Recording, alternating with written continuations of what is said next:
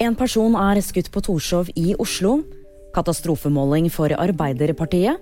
Og kronprins Haakon utelukker ikke et comeback for prinsesse Märtha Louise. En person er pågrepet etter at en mann i 40-årene skal ha blitt skutt på Torshov onsdag kveld. Politiet har kontroll på én gjerningsperson, men mistenker at det er flere. Det sa reporter Preben Sørensen Olsen, som var på stedet. Mannen skal være alvorlig skadd, men det skal ikke være livstruende.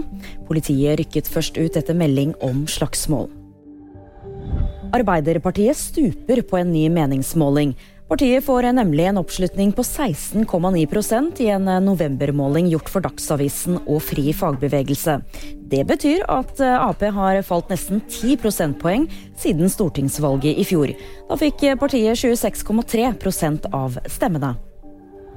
Kronprins Haakon sier det er synd at søsteren prinsesse Märtha Louise ikke lenger skal representere kongehuset.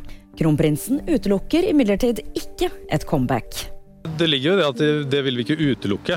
Eh, Men eh, nå er jo det vi har bestemt oss for, at hun skal slutte eh, å representere kongehuset, og at hun ikke skal ha beskytterskapene sine lenger. Det var VG nyheter, og de fikk du av meg, Julie Tran.